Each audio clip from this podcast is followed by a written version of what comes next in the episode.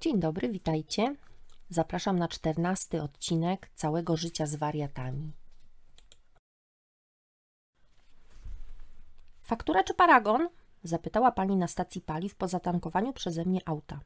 Faktura. Jaki numer rejestracyjny? Podałam zdziwiona numer. Pani wydrukowała fakturę. Hm, numer dobry, ale nie ta firma, odparłam, czytając dane na dokumencie. Jak to? Przecież ten numer połączył się z tą firmą.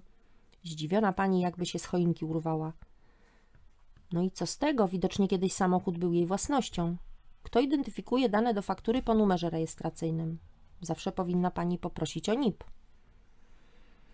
Wkurzyłam się, bo chyba to jasne jak słońce. Osoba za ladą nie miała na plakietce napisu uczę się. Powinna być bardziej rozgarnięta.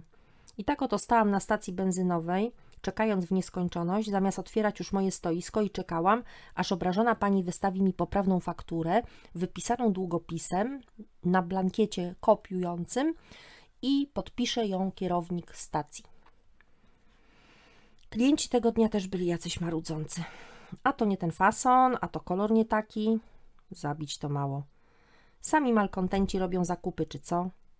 Pod koniec dnia odwiedziła mnie na szczęście moja ulubiona klientka, pani Fioletowa, która zawsze poprawia mi humor.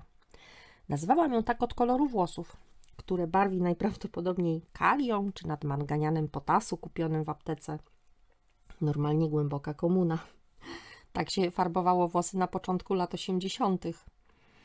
Co znaczy siła przyzwyczajenia? Hm. Pani Fioletowa potrzebowała błyszczące brokatowe rajstopy na wieczorne wyjście ze swoim partnerem. Opowiadała o nim zawsze chętnie i dużo. Wiedziałam o gościu niemal wszystko. Od numeru kołnierzyka przy koszuli po koloroczu.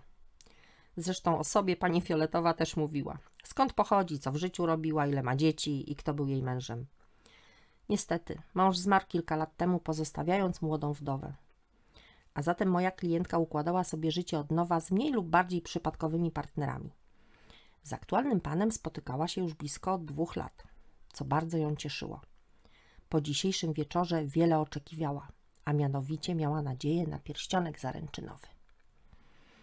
Następnego dnia Fioletowa dosłownie przybiegła do mnie z samego rana. Była zasapana, ale i rozpromieniona. A cóż to, nie może pani spać?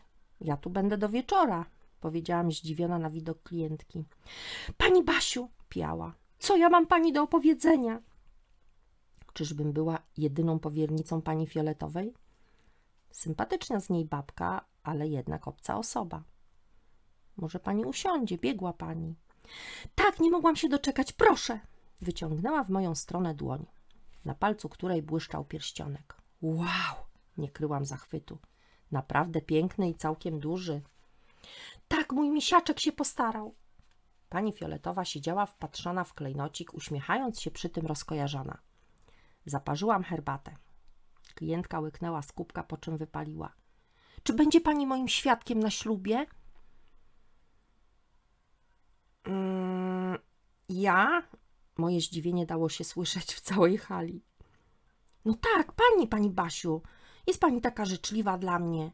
Nie komentuje pani moich wyborów, nie krytykuje wyglądu. Po prostu przyjaciółka prawdziwa. Oj, uwaga, zapaliła mi się czerwona lampka. Przyjaciółkami to raczej nie jesteśmy. Proszę, pani Basiu, moje wszystkie znajome to fałszywe zmory. A pani zawsze dobrze mi się kojarzy.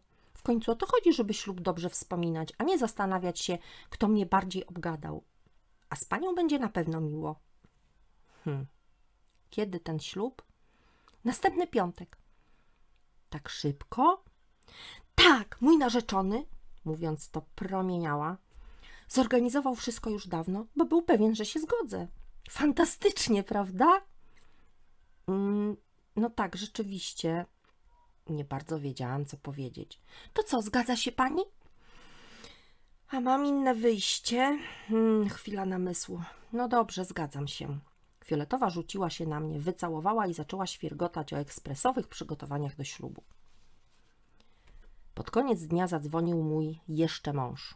Ledwie się odezwał, a już powiało oszołomieniem. Podjąłem decyzję. Jutro jadę na prewencję policji jako świadek koronny. Poziom absurdu sięgnął szczytu. Nie wiem ani nie chcę wiedzieć, co Zenek miał na myśli. rozłączyłam się bez słowa. Na tym koniec odcinka 14. Dziękuję za wysłuchanie. Zapraszam do komentowania.